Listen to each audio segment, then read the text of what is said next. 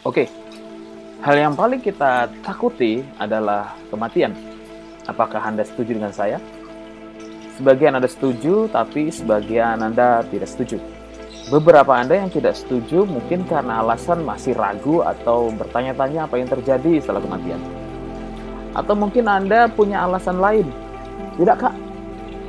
Yang lebih penting atau yang lebih menakutkan dari kematian adalah nggak punya uang. Boleh lah. Oke deh, berarti Anda masuk dalam golongan orang yang tidak takut kematian. Tapi bisa jadi Anda takut pada perpisahan, ya enggak? Karena saya melihat banyak orang yang ditinggal mati itu menangis. Atau sebaliknya banyak orang yang hampir menemui ajal juga menangis. Tapi itu adalah pendapat Anda. Saya hanya mencoba membawa Anda kepada suatu realita bahwa semua orang mengalami kematian.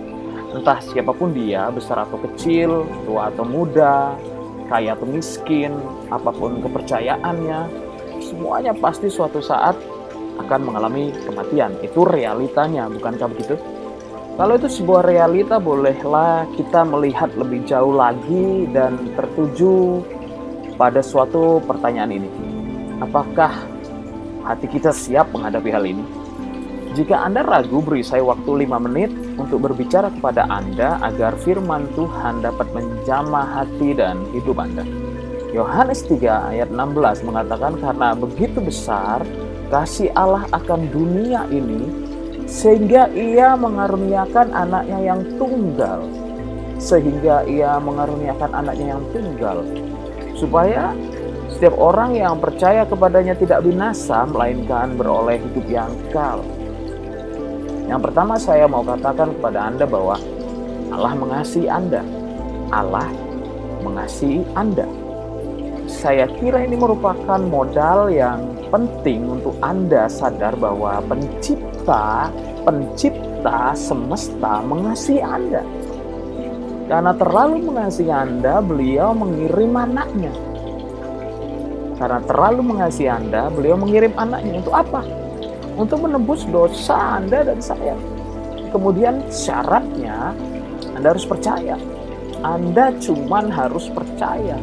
Percaya kepada Allah melalui anaknya kalau Anda percaya, Anda akan dapat memperoleh hidup yang kekal. So simple.